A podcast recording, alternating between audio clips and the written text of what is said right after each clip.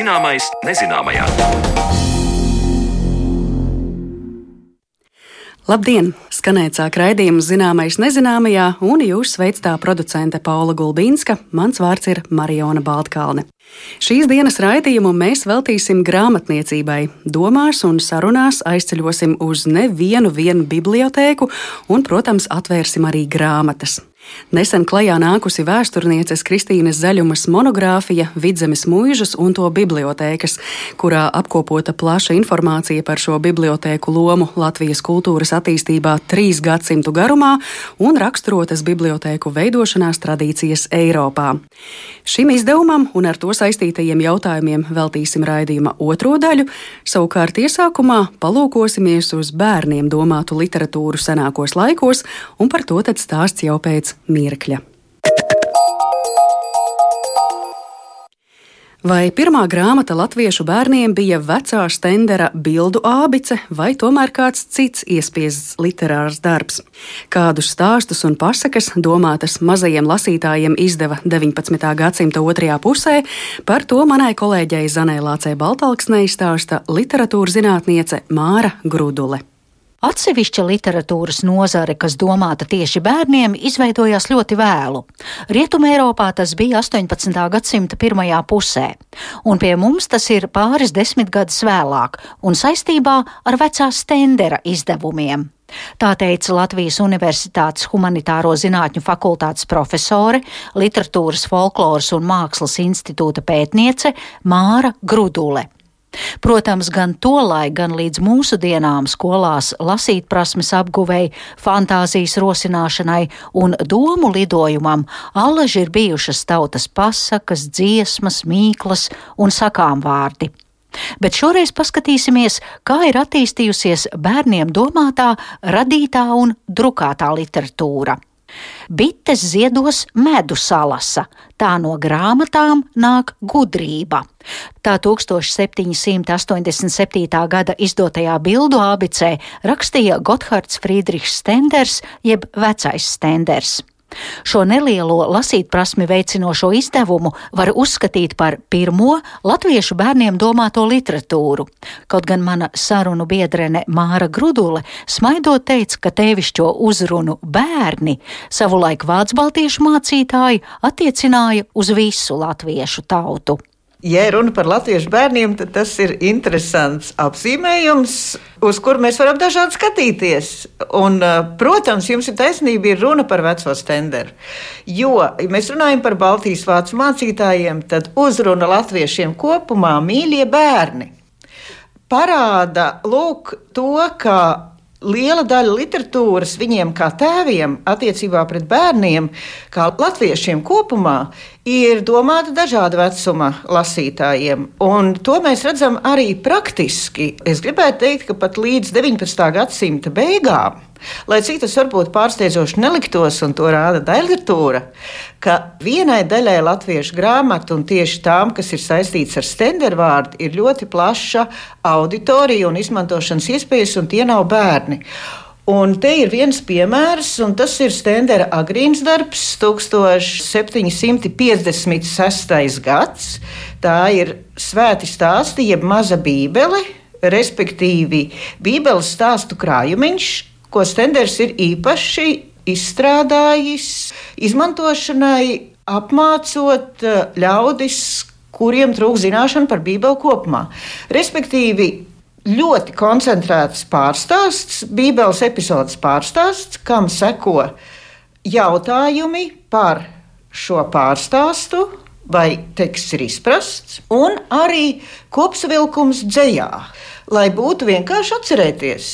Tā kā šo grāmatiņu var ērti izmantot, un ko mēs redzam? Grāmatiņas pirmizdevums 756. gadā Viens no pēdējiem izdevumiem ir 1893. gadā, un Rudolfs Blaumans, Lugā pazudušais dēls, tieši šo stendera grāmatu liek Mikus tēva rokās, un viņš māca bērniņus. Tajā pašā laikā, protams, 893. gadā ir Blaumaņa laiks. Jau ir latviešu bērniem domāts grāmatas, īpaši latviešu bērniem domāts grāmatas un abecas, bet mēs redzam, cik tā standarta tradīcija ir noturīga cauri laikiem. Bet, nu, ja mēs runājam par bērniem, tieši bērniem domātām grāmatām, piemēram, ar ilustrācijām, tad atkal ir stenders un tā ir bilda abice.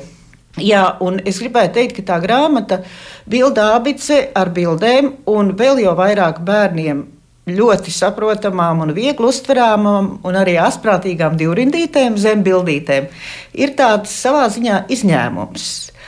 Jo mēs skatāmies šo tradīciju veidot mācību grāmatas skolām bērniem. Baltijas vācu mācītāji pārņem un sāk tātad skolu vajadzībām veidot dažādas grāmatas 19. gadsimta pirmajā pusē. Bet lieta ir tāda, ka viņi pievieno tam apgūstamajam materiālam ļoti bieži kristīgu motīvu caurvītus tekstus. Dažkārt arī tās ir tieši baznīcas lūkšanas un arī garīgās dziesmas. Nu, protams, ar nolūku, lai līdzās tām zināšanām nākt arī kristīgā pārliecība un arī tā katras sabiedrības kārtas vieta arī tikt identificēta ar zināmu pazemību, mēs varam teikt, un arī savstarpējām izlīdzinātām tādām savstarpējām attiecībām sabiedrībā. Jā. Ja runā par bērnu literatūru tādā nozīmē, kā mēs to šodien saprotam, tad tie ir, es gribētu teikt, latviešu tautas skolotāji latviešu tautības skolotāji, kas liek tam pamats, jo tā vajadzība pēc bērnu literatūras izaug no tā, ka viņiem pašiem skolā vajag bērniem interesants tekstiņus, ar kuriem strādāt. Un tad parādās pasaku tulkojumi, un tad parādās arī citautu vienkāršu kādu stāstīņu vai motīvu tulkojumi bērnu grāmatās. Un te noteikti jāpiemina Ernsts Dinsbergs, kurš ir līdzis pamatu gan bērnu zejas krājumiņiem, tieši bērniem domāts, gan arī pirmo ludziņu bērniem rakstījis, gan arī tās prozas krājumiņas, ko viņš ir izdevis, arī ir ar norādi, ka tie ir domāti bērniem. Un kas man šķiet simpātiski, arī maz grāmatiņa par mātes mūžu, tāds dzējojums mātei. Pantiņš un ilustrācijas izjūt cauri visam mātes mūžam. Nu, tā tad eh, Dinsbergam ir ļoti daudz. Ar degunu es varu ost un sliktu smaku atpūst nost. Vecs Jānis šņauts tabaku tur iekš, bet man aizvienam puņķis priekš. Tad lūdzu mātei lakatu, ar to es slauku degunu.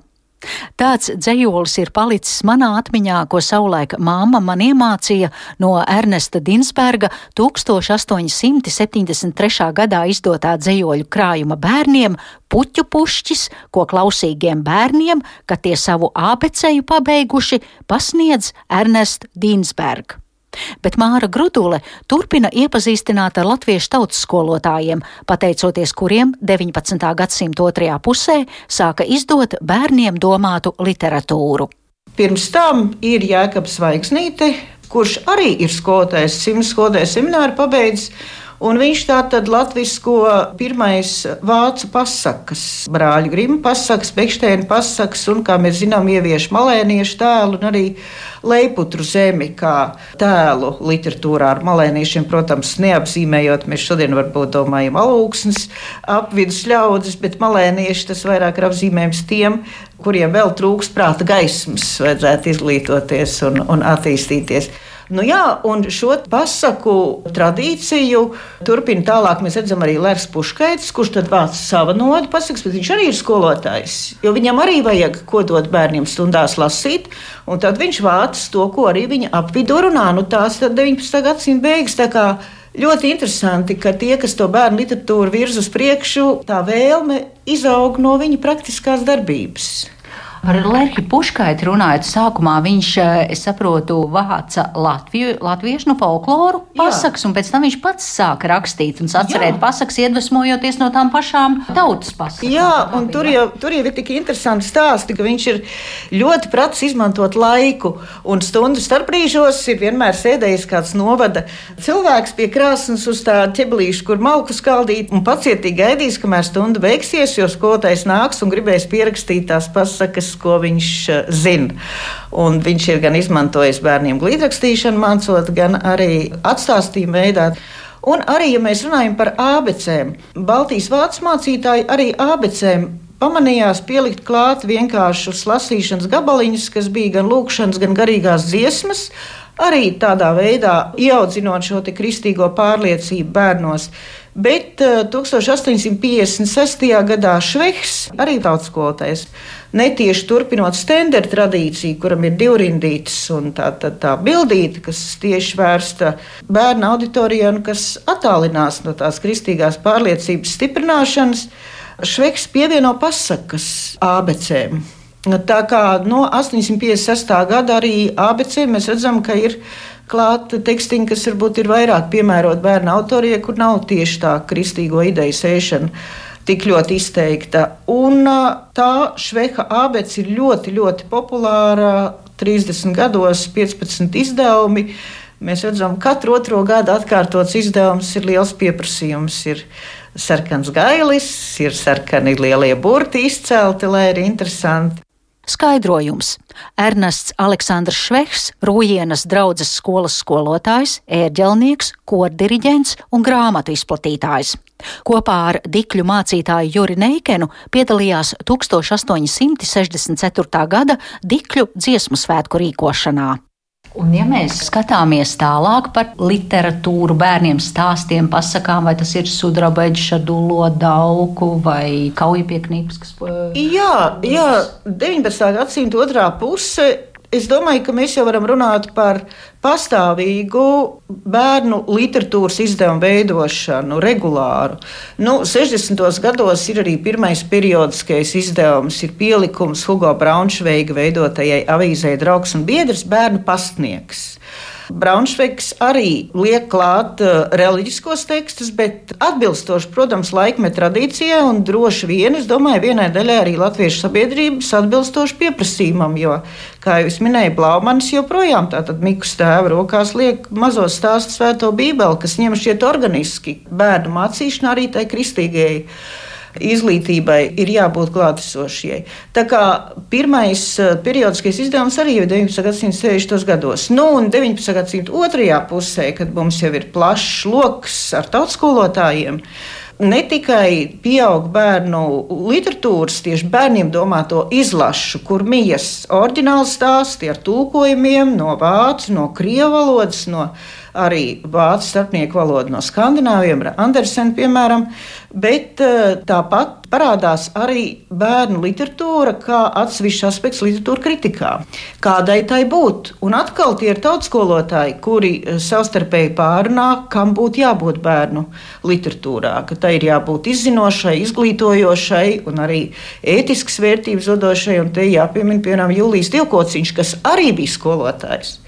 Tā kā jo kuplāka skolotāja saime, jo zinošāka, jo arī labāk bērnu literatūra, ja mēs runājam par 19. gadsimtu un gadsimtu mītu tālāk.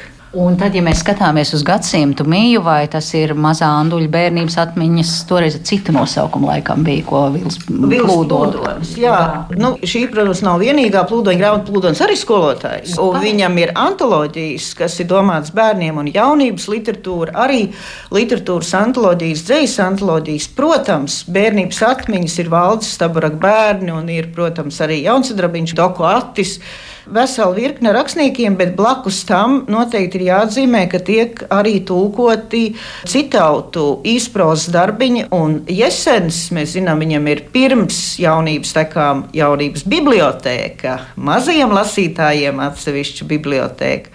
Un arī Jesens ir sācis darboties kā skolotājs. Tā kā jaunības tekas iznāk ar 1910. gadu. Nu, lūk, skolotāji kā bērnu literatūras camlauži, gribētu teikt. Pedagoga, izdevēja un tulkotāja Andreja Jesena mēnešraksts bērniem jaunības tekas ar pārtraukumiem iznāca no 1910. līdz 1935. gadam, un Andrejs Jesens tiek uzskatīts par pirmo ievērojamo augstvērtīgas bērnu un jaunatnes periodikas un daļliteratūras izdevēju. Tas bija ieskats latviešu bērnu literatūras iesākumos, un par to stāstīja literatūras zinātniece Māra Grudule.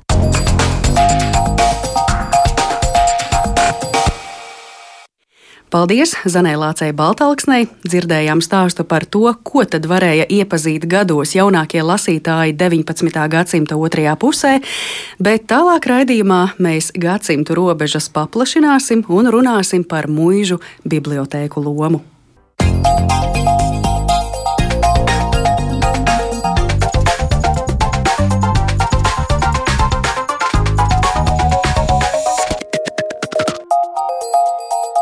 Zināmais nezināmajā.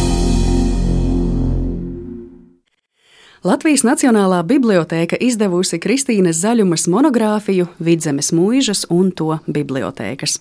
Ko tad vidzemes mūžnieki lasīja un kā grāmatas nonāca mūžu bibliotēku plauktos, šos un vēl citus jautājumus atklāsim turpmākajās minūtēs kopā ar mūsu viesņu studijā.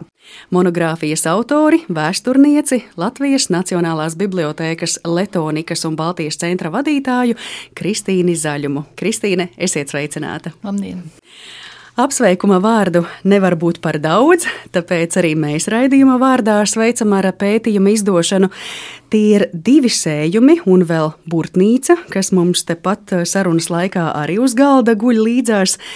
Pētījums, kura ideja izlolota pirms vairākiem gadiem, un iesākumā es lūkšu jums ieskicēt pētījuma struktūru un laika posmu, ko tas aptver. Tātad mums šeit ir Pirmais sējums tad ir krietni apjomīgāks. Otrais sējums un vēl ir burtnīca ar tabulām un plašu faktu uzskaitījumu. Kādus tematus atklāja šie izdevumi un par kuriem gadsimtiem? Vidzemē vispār um, atklājas uh, ļoti interesanti, jo mēs esam pieņēmuši domāt, ka Latvijas teritorija ir uh, daudz šaurāka šobrīd, bet uh, vēsturē tā ir daudz plašāka, un tāpēc vidzeme ir atsevišķa. Tas nav par Latviju visu, tikai par vidzemi, un tas ir 18. gadsimts līdz 20. gadsimta 20. gadiem, kad mūža laiks, kā mums zināms, praktiski ir beidzies. 18. gadsimta sākumā man likās, ka es varu pieturēties pie kaut kāda N punkta, ka es pateikšu, ka ir pirmais katalogs konstatēts arhīvu dokumentos vai vēl kaut kur, bet man iedrošināja vēsturnieki paši, jo šī monogrāfija ir tapusi arī uz disertācijas bāzes. Daudz plašāk, protams, ir monogrāfija nekā pat disertācija, kas nav aizstāvēta, diemžēl, vēl. bet mani tieši vēsturnieki iedrošināja plašāk paskatīties, jo 18. gadsimtā nevar novilkt šo robežu šķirtni. Bet tā kā man bija arī grāmatās jāpastāst par pašu vidzemes mūžu, kas tā ir, lai mēs eh, tiekam uz priekšu, paskatoties uz mazu daļiņu, kas bija biblioteka šajā te mūžu dzīvē, tad es tomēr pieņēmu to robežu, un tā ir 1783. gads, kad impērijā notiek pārmaiņas un tiek noteikti ļoti krasi latviešu apdzīvotās daļas struktūra administratīvā, un tur ir četri apriņķi, kas eh, pastāv vēl ilgi, vēl 140 gadus. Tas ir tāds stabils, tāda robeža, kuras skatos noteikti 1783. gads, un tā tad līdz agrārai reformai. Tas ir, ja mēs tā šaurāk paskatāmies, bet būtībā es esmu vēl atkāpusies, diemžēl, mūžu dēļ, vēl 17. gadsimtu, jo, kā izrādījās, Zviedru pārvalde vidzemē ir atstājusi milzīgas pēdas tieši zemes īpašumu vēsturē, un bez viņu kadastra aplūkošanas mēs nekādīgi nevaram runāt par mūžu kā zemes īpašumu vidzemē. Nu, nekādīgi,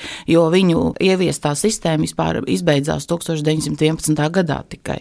Tāpēc man bija jāatkāpjas vēl mazliet uz 17. gadsimtu. Diemžēl arī man ir izaicinājums saistībā ar šo monogrāfiju. Un tad sanāk tā jūsu atkāpšanās un stāsts par mūžām ir apkopots pirmajā sējumā, Jā. un tālāk, kas notiek pašās bibliotekās, tas ir 18., 19. un 20. gadsimts otrajā sējumā. Jā, un organiski sanāca, ka man kā bibliotekas pārstāvēja arī un lasītājiem likās tādu monumentālu grāmatu negribējās izdot vairāk. Tā ir, es gribu pretendēt uz vairāk tādu tā kā uz rokas grāmatu par šīm lietām, un eh, tāpēc ir šī izvēle, ka grāmata ir trīs daļās eh, monogrāfija. Tātad mēs ar to burtnīciņu varam gan pirmā sējumā darboties, gan otrā sējumā, un vienmēr varam somā tomēr iemest to izdevumu, un mums nav tas monumentālais, ko ar zīdes pilventiņu tikai mājās lasīt. Man bija svarīgi, lai viņš ir kustībā, tas izdevums, lai viņš ir vienmēr par rokai. Un tāpēc ir šīs trīs daļas, ja kāds jautā, kāpēc trīs daļās. Bet tā būrnīciņa tas ir tāds um, tabulu apkopojums ar mūžu nosaukumiem, kurās mūžās tad bija bibliotēkas. Tā sanāk? Jā, kāpēc vispār es nonācu līdz vidzemes mūžu pašu pētniecībai, jo lai es apkopotu statistiku par to, kādās mūžās un cik bibliotekas. Tikai nu, elementārs jautājums, kas ir jebkuram vēsturniekam svarīgs es sapratu, ka man nav pamata, ar kādiem datiem es varu operēt. Un tādēļ es šo reģistru vairākus gadus pati veidoju, gan balstoties uz publikācijām, gan uz arhīvu dokumentiem. Un, lai tu šo vidzemes mūžas reģistru tikai latviešu daļā izveidot, pagāja vairāk gadi, jā, un šī statistika ir veidot uz tā bāzes, lai mēs saprastu vispār, kāda ir dinamika, kādās mūžās vispār pastāvēja šīs bibliotekas. Izrādās, ka ir um, tādas mūžas, kurās nepastāvēja šīs bibliotekas, jo tas vienkārši pēc zemes īpašuma veida nav iespējams. Es uh, šķirstu to burtnīciņu un redzu, ka tādu mūžu bija šķiet, tomēr ļoti, ļoti daudz. Cik tad uh, mūžās bibliotekas bija un kuras mūžu bibliotekas ir izdevies apzināt? Ir tā ļoti interesanti, jo es tā nevaru pateikt par gadsimtiem. Jo tas, saprotiet, ir privāts īpašums, un tie dati vienmēr ir bijuši tādi grūti iegūstami. Gan par mākslas kolekcijām, gan par biblioteku lietām. Tas tomēr ir cilvēku privātā teritorija bijusi vienmēr. Un tāpēc tie dati, kas nu ir, tie ir apkopot uz šo brīdi tajās tabulās. Un e, pateikt, teiksim, tajā gadsimtā tik mūža bibliotekas pastāvējuši, vai tajā gadsimtā tik mēs nevaram, diemžēl, jo reizēm ir palicis tikai mūžas nosaukums. Un, ja tur ir bijusi biblioteka un piederējis vienai dzimtai, tas ir viens stāsts. Otrs ir, kad uh, varbūt tā mūža sākus pastāvēt vispār tikai 19. gadsimtā. Ja 20. gadsimta 20. gados mēs uh, konstatējam kungu mājā šīs bibliotekas, var teikt, fragmentus kādas, ja, tas nozīmē, ka mēs jau nezinām, vai tas ir nācis no 18. gadsimta vai no 19. vai tas ir tikai 20. gadsimta sākuma krājums. Mēs to vēl nezinām, tas ir jāpēta. Tās robežas, diemžēl, novilkt mēs nevaram. Jā.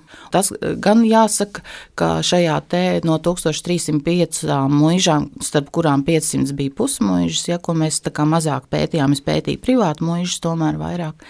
Desmit bija tādas, kurās šajos visos trīs gadsimtos pastāvēja stabili biblioteka, neatkarīgi no tās, vai tā bija viena dzimta, kas no paudzes paudzē pārmanto, vai tā bija vienkārši konstanti mūžas kungu mājā pastāvējusi biblioteka, bet tās ir desmit stabili, tādas milzīgas, ļoti ietekmīgas bibliotekas, par kurām arī Eiropa zināja. To es izpētīju. Tas ir skaidrs. Jūs eh, pētījumā esat nelielu sadaļu veltījuši arī mūžu bibliotēku veidošanās tradīcijām Kurzemē, Zemgalē un Jā. Latgalē, bet es gribēju vēlreiz precizēt jēdzienu vidzeme. Ko šajā gadījumā mēs saprotam ar vidzemi? Vidzeme es pētījumā redzu to apgabalu, kas ir Dienvidu Igaunija un tā latviešu daļa, kas ir līdz robežai, kur sākās Kurzemes zemgals hercogiste un infantija. Tātad eh, agrāk eh, mums bija pilnīgi savādāks šis dalījums. Tas ir skaidrs no vēstures. Bet es gribu pateikt, ka tieši mūža sakarā pilnīgi citas tradīcijas ir. Latgalē tā ir polijas ietekme ļoti liela, arī starp citu vidzemē mazliet, jo vēsture 16. un 17. gadsimtā ir bijusi ļoti cieša. Un eh, Kurzem un zemgala tieši no mūžas dzīves, no mužnieku paradumu tradīciju viedokļa pilnīgi cits stāsts, un tā ir bijusi pilnīgi cita valsts tajā brīdī. Tātad es arī ņemu vērā to, ka tā izpratne par vidzemi tieši 18. un 19. gadsimtā tomēr ir saistīta ar to, ka mēs esam arī Igaunija mazliet. Es, protams, nepētīju Igauniju, bet to saikni eh, manā darbā noteikti var just. -hmm. Vai mēs varam tā skaidri iezīmēt eh, robežas tam, ko mēs vispār saprotam ar jēdzienu bibliotēka? Jo ar bibliotēku varbūt var saprast grāmatu krājumu, ar bibliotēku var saprast arī telpu fizisku, kurā atrodas grāmatu plaukti. Tad vai šajā gadījumā jūsu monogrāfijā mēs ar bibliotēku saprotam šīs fiziskās telpas, grāmatu plauktus, no kurām tad tiešām muiznieks varēja sev paņemt kāroto grāmatu un izpētīt lasām vielu. Ir tā, ka es ļoti pati ar sevi diskutēju monogrāfijā par šīm tēmām. Tur es ļoti plaši izskaidroju šīs lietas. Jāsaka tā, ka šī problēma, jēdziena problēma, ir problēma visiem pētniekiem, kas ar to saskarās. Un eh, kā tādi seni pieredzējuši pētnieki, par ko es eh, sevi līdz šim neuzskatīju, varbūt es man liekas, ka es visu laiku mācos, tad eh, viņi saka, ka vienmēr, kad mēs runājam par šīm lietām, mums ir jāpasaka.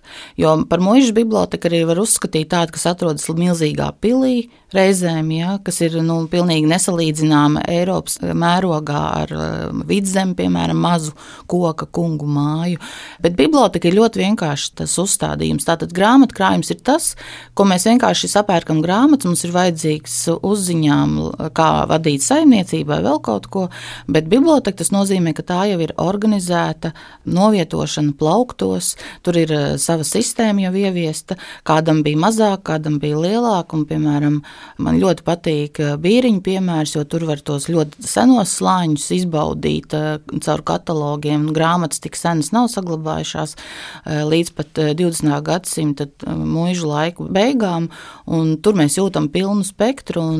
19. gadsimta otrā pusē tur ir eh, ārkārtīgi grezna, sistematizēta, organizēta biblioteka, kur mužnieks, eh, tas, kas to visu veidojas, vēlās, lai dzimtā kāds uzņemās bibliotekāru lomu. To viņš nevar panākt. Ja? Tad viņš raksta priekšrakstus, kā dzīvot šai bibliotekā, ko drīkst darīt, ko nedrīkst darīt. Tā tas, tas nozīmē, ka tas ir sistematizēts, organizēts grāmatu novietojums noteiktā telpā.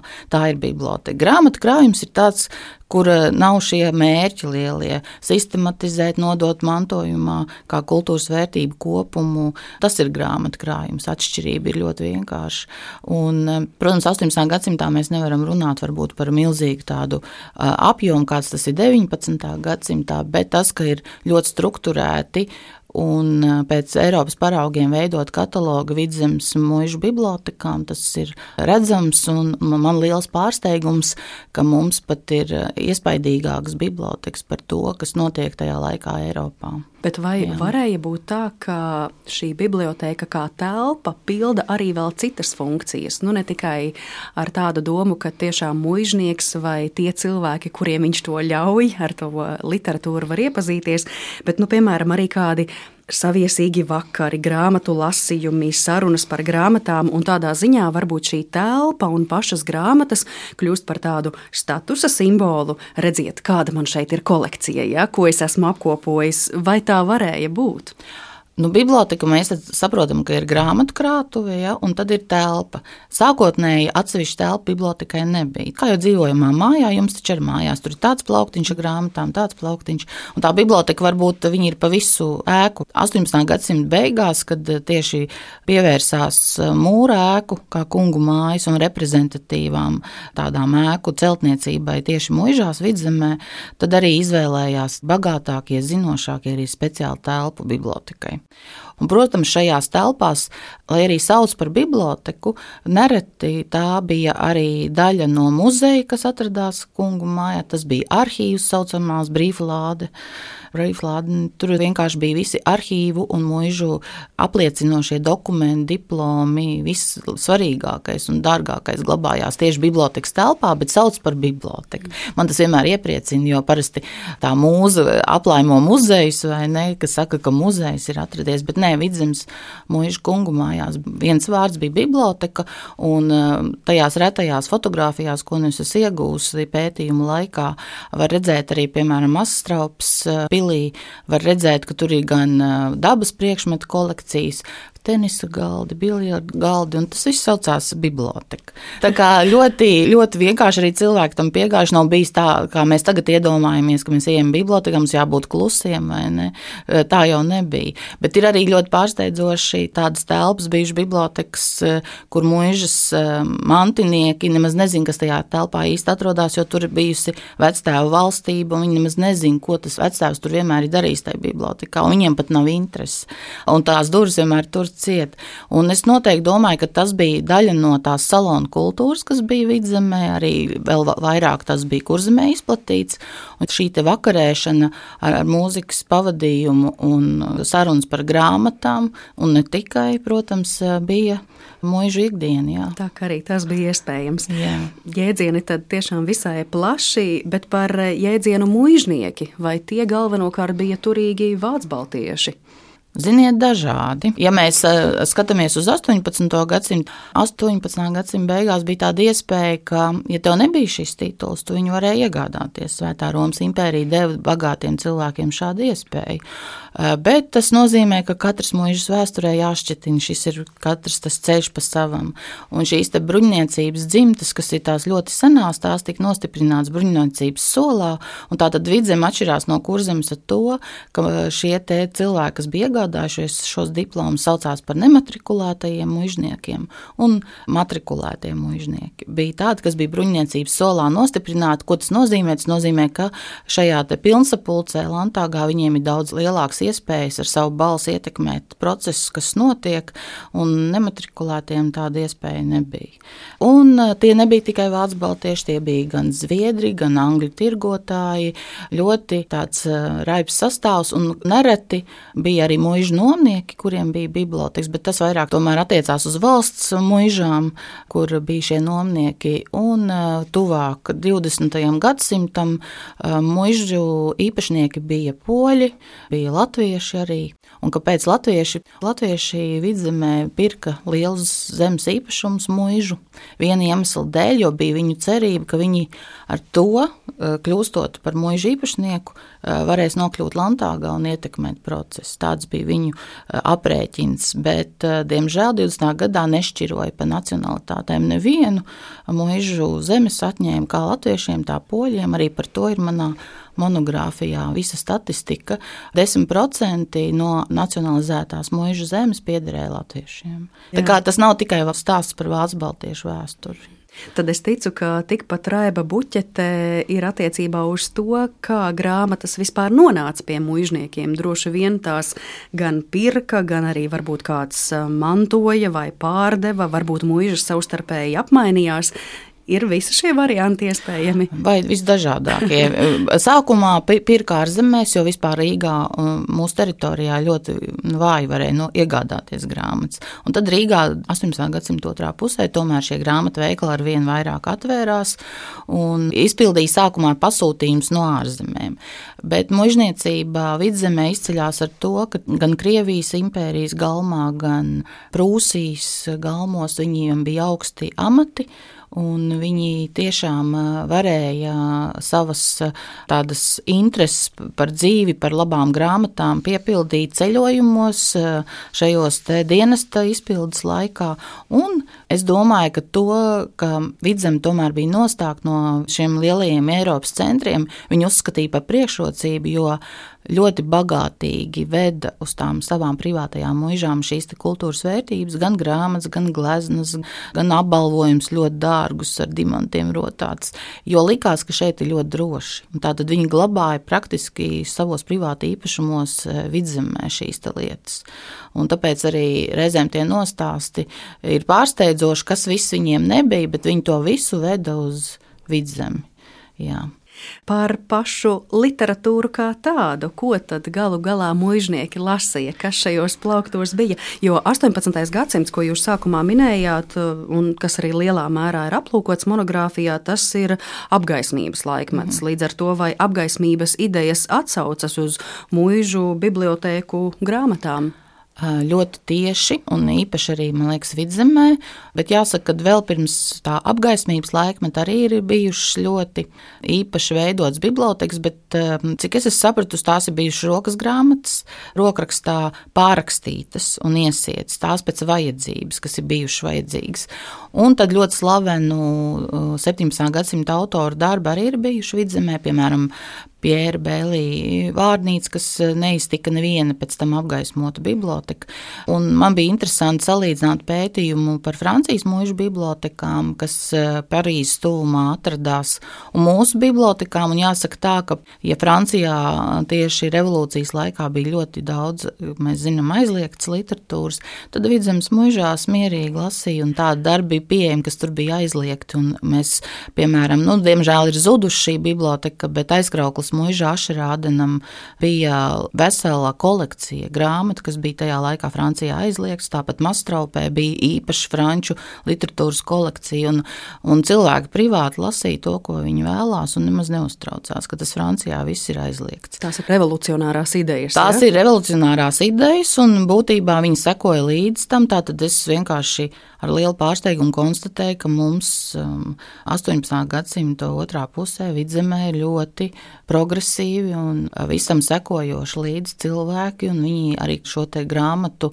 plūsmu uz vidzemi ir uh, nokārtojuši, un tā tad viņi neievēro šīs lietas, un Piemēram, tāda darba kā Emīls um, Ruso ir uh, mūsu krājumos, un daudz tādas lietas, ko Francijā bija aizliekuši. Vienkārši viņi nemaz nepirka. Un vēl ir kas, ja mēs tagad sakam, ka bibliotekas ir tīģera lēcienā tādā digitalizācijas un sistēmu ziņā 20. gadsimtā, un mēs esam pirmie, kas iet uz priekšu, tad toreiz tā bija enciklopēdija un vārnīcu lieta, kas bija ārkārtīgi liels lēciens, un arī man pārsteidz tas tas pats, ka Francijā nepērk Didro lielo franču enciklopēdiju, bet kurzemē pat un vidzemē mēs esam diezgan bagātīgi ar šīm lietām, un mums ir eh, krājumos un nemaz eh, nekautrējās, un tas bija ārkārtīgi dārgs izdevums, un šīs lielās franču enciklopēdijas atradās Vidzemes mūža bibliotekās, ko es minēju, šīs desmit, tajās noteikti bija šīs enciklopēdijas vārnīcas, katra tipogrāfija uzskatīja par tādu svētu lietu, vēl 19. gadsimtā izdot labu vārnīcu, enciklopēdiju,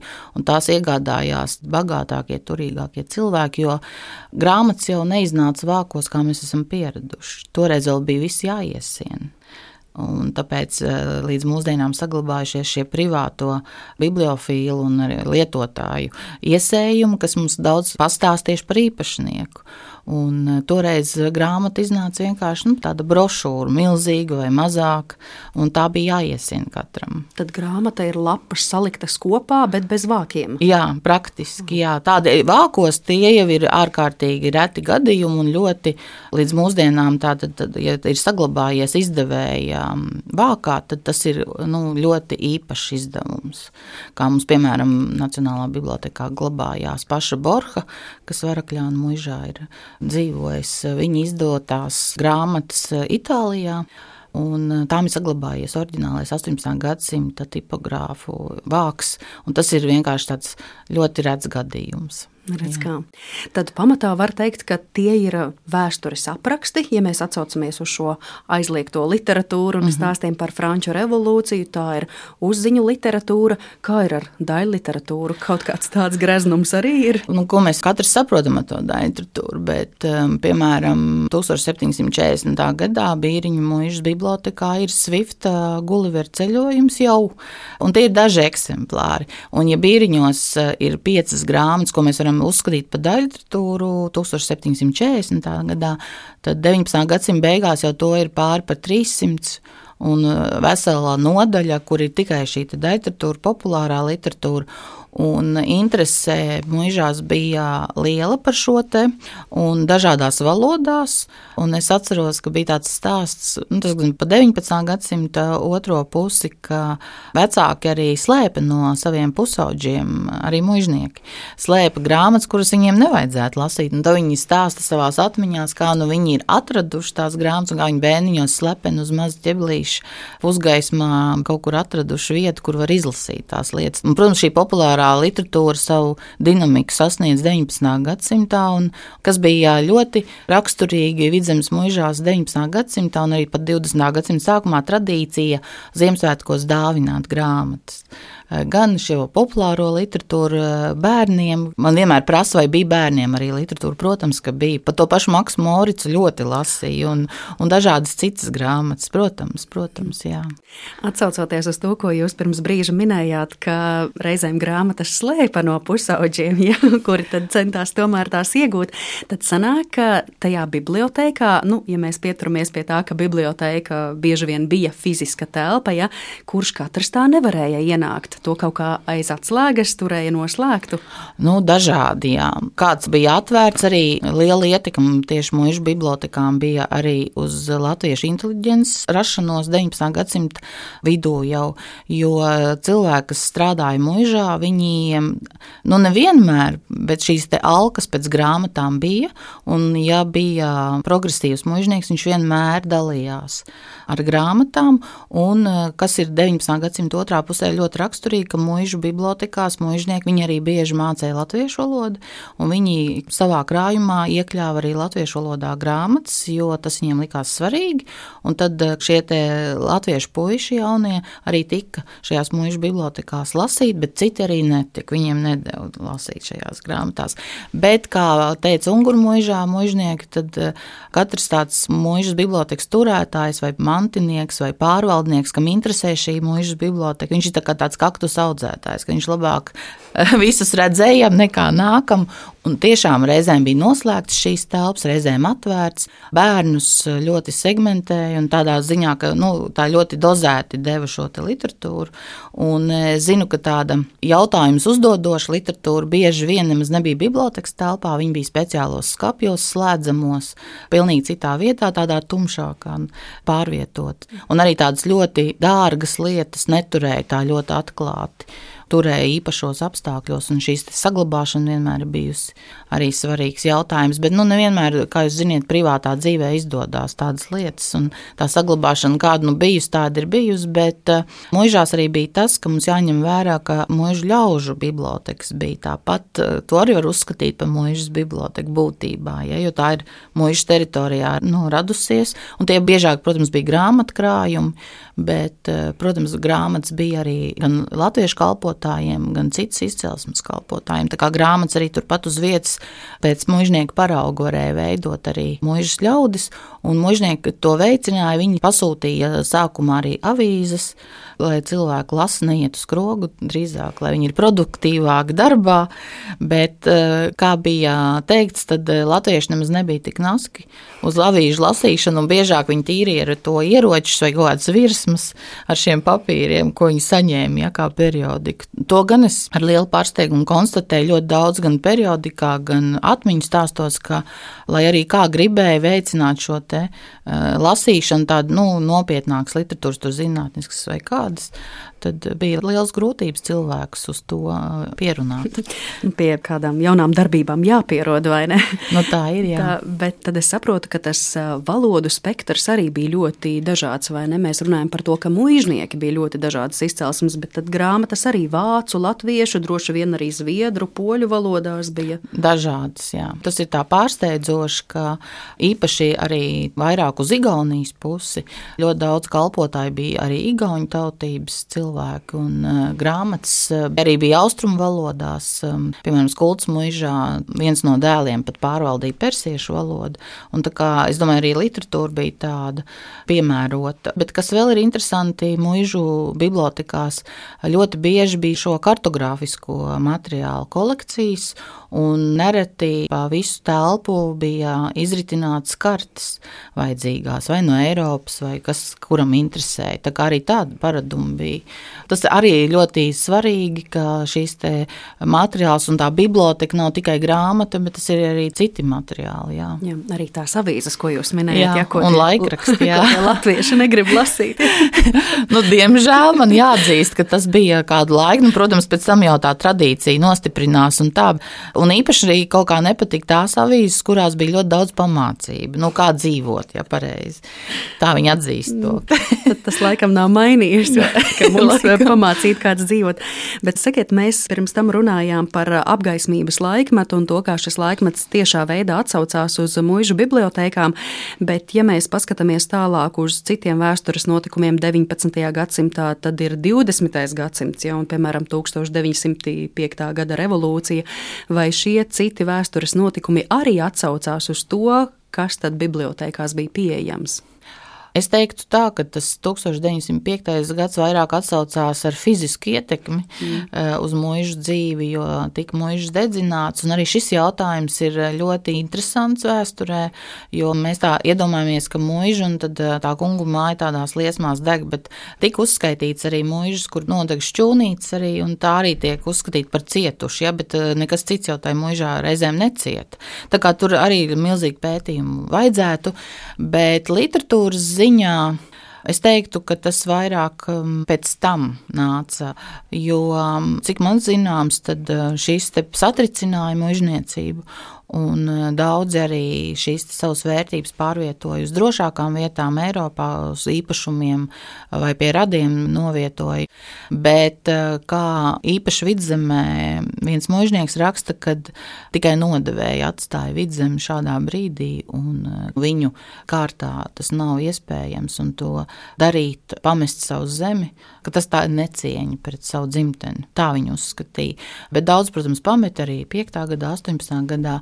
Un, protams, ir uh, grāmatas uh, vairāk, man liekas, ka privātās mūžās tomēr vairāk bija vācu valodā grāmatas, uh, viņi komplektēja, un tomēr vairāk uzsvars bija uz šo te dinamisko literatūru, jo to mēs varam iedomāties, tad nav ne Google, nekas, un cilvēki grib zināt, kas notiek pasaulē, un tā tad tā ir periodika, mēneša raksti, žurnāli, kas bija gana dārgi, un nemaz tik daudz pieejami viņi nebija, bet tieši uzsvars ir uz šo materiālu klāstu, arī kartēm, vairāk un uzziņu literatūru arī, kas iznāca vārnīcas un enciklopēdijas, vairāk pirka tomēr to, jo bija jāsako līdz tai dinamikai, kas notiek. Un vēl tā parādība, kas um, pēc 20. gadsimta tomēr ir šie te juridiskās ievirzes materiāli, kas ir likumdošanas jautājums, un, un tādas lietas uh, vairāk uh, pievērsās mužniecība tieši izpētīt vēl no senas pagātnes, kā to zemniecības lietu sakārtot, jo tas, protams, bija skaidrs, ka vidzemē bija ļoti senas tradīcijas, kā pārvaldīt īpašumus, un tas bija jāmaina, bet uh, īsti arī mužniecība tam pati nemaz nebija gatava. Tā kā, diemžēl, jā, tādas problēmas, tāda stagnācija šajā ziņā bija, un tas bija satricinājums milzīgs. Gan piektais gads, gan pēc tam nākošais karš. Bet to izvērtēt eh, no vēstures viedokļa neuzņēmos, es tik par savām bibliotekām tomēr, jā, bet eh, daudz aizgāja bojā, nodedzināja. Jā. Kur tad tās grāmatas, kas iespējams ir palikušas, glabājas šobrīd? Mūžās, protams, nav. Mūžas ir tā mainījušās, un ko mēs eh, saprotam ar vārdu mūža, ja tā ir saimniecība mēs varētu runāt par biblioteku kungu mājām, mužas kungu mājām. Tas, kas ir saglabājies, tas ir reizēm ir tā, ka tas ir blakus tajās zemnieku mājās, viensētās, kas bija, ir dažas grāmatas aizceļojušas, un reizēm cilvēki, mantinieki pat nezin, ka tās ir nākušas no mužu kungu mājām. Tad uh, lielākā daļa, protams, tas, kas saglabājās un kas vispār vidzemē varēja saglabāties, ja karš bija tāds, kāds viņš bija, tad uh, tas ir atmiņas institūcijās nonākušas kolekcijas šobrīd, un, kā izrādās, arī mužnieku tomēr pārvietotas uz Vāciju iepriekš vēl Prūsijas teritorijas, kad vēl bija Prūsijas apgabali. Ļoti daudz grāmatas pārvietots ir Polijā kolekcijas, tās gan bija no kurzemes vairāk, bet um, no vidzemes ir, es zinu, ka ir privāti īpašumā pašiem mantiniekiem, viņi pat nezina izcels, viņi pat nezina, ka tās grāmatas kādreiz atradušās Latvijā. Tad viņi man saka, paldies par grāmatām, ka jūs viņus tā aplūkojat, jo mēs tagad saprotam, no kurienes mēs esam nākuši, jo tas aizvainojums tomēr cilvēkiem bijis tik milzīgs, ka viņi nav runājuši šie vecīši, kas ir aizgājuši mūžībā, viņi nekad nav runājuši par šīm lietām, no kurienes kas ir cēlies. Un viņi pēc pazīmēm vienkārši saprot, ka viņi ir nākuši no Latvijas teritorijas.